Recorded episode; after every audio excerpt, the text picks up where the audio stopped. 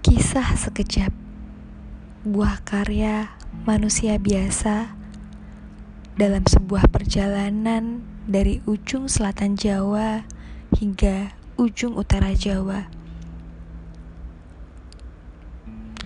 Kamu adalah secuplik dari kisah hidupku.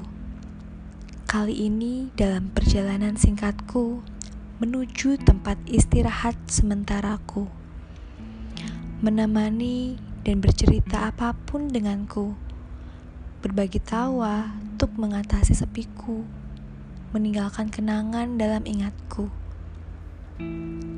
Kau tak meminta balasan apa pun, pun aku yang tak berani meminta dan memberi. Kita sama-sama tahu, secuil kisah ini mungkin untuk pertama dan terakhir kali kita tak berani berharap, tak cukup nyali memberi harap. Kita bahagia, namun kisah ini mungkin berakhir sekejap.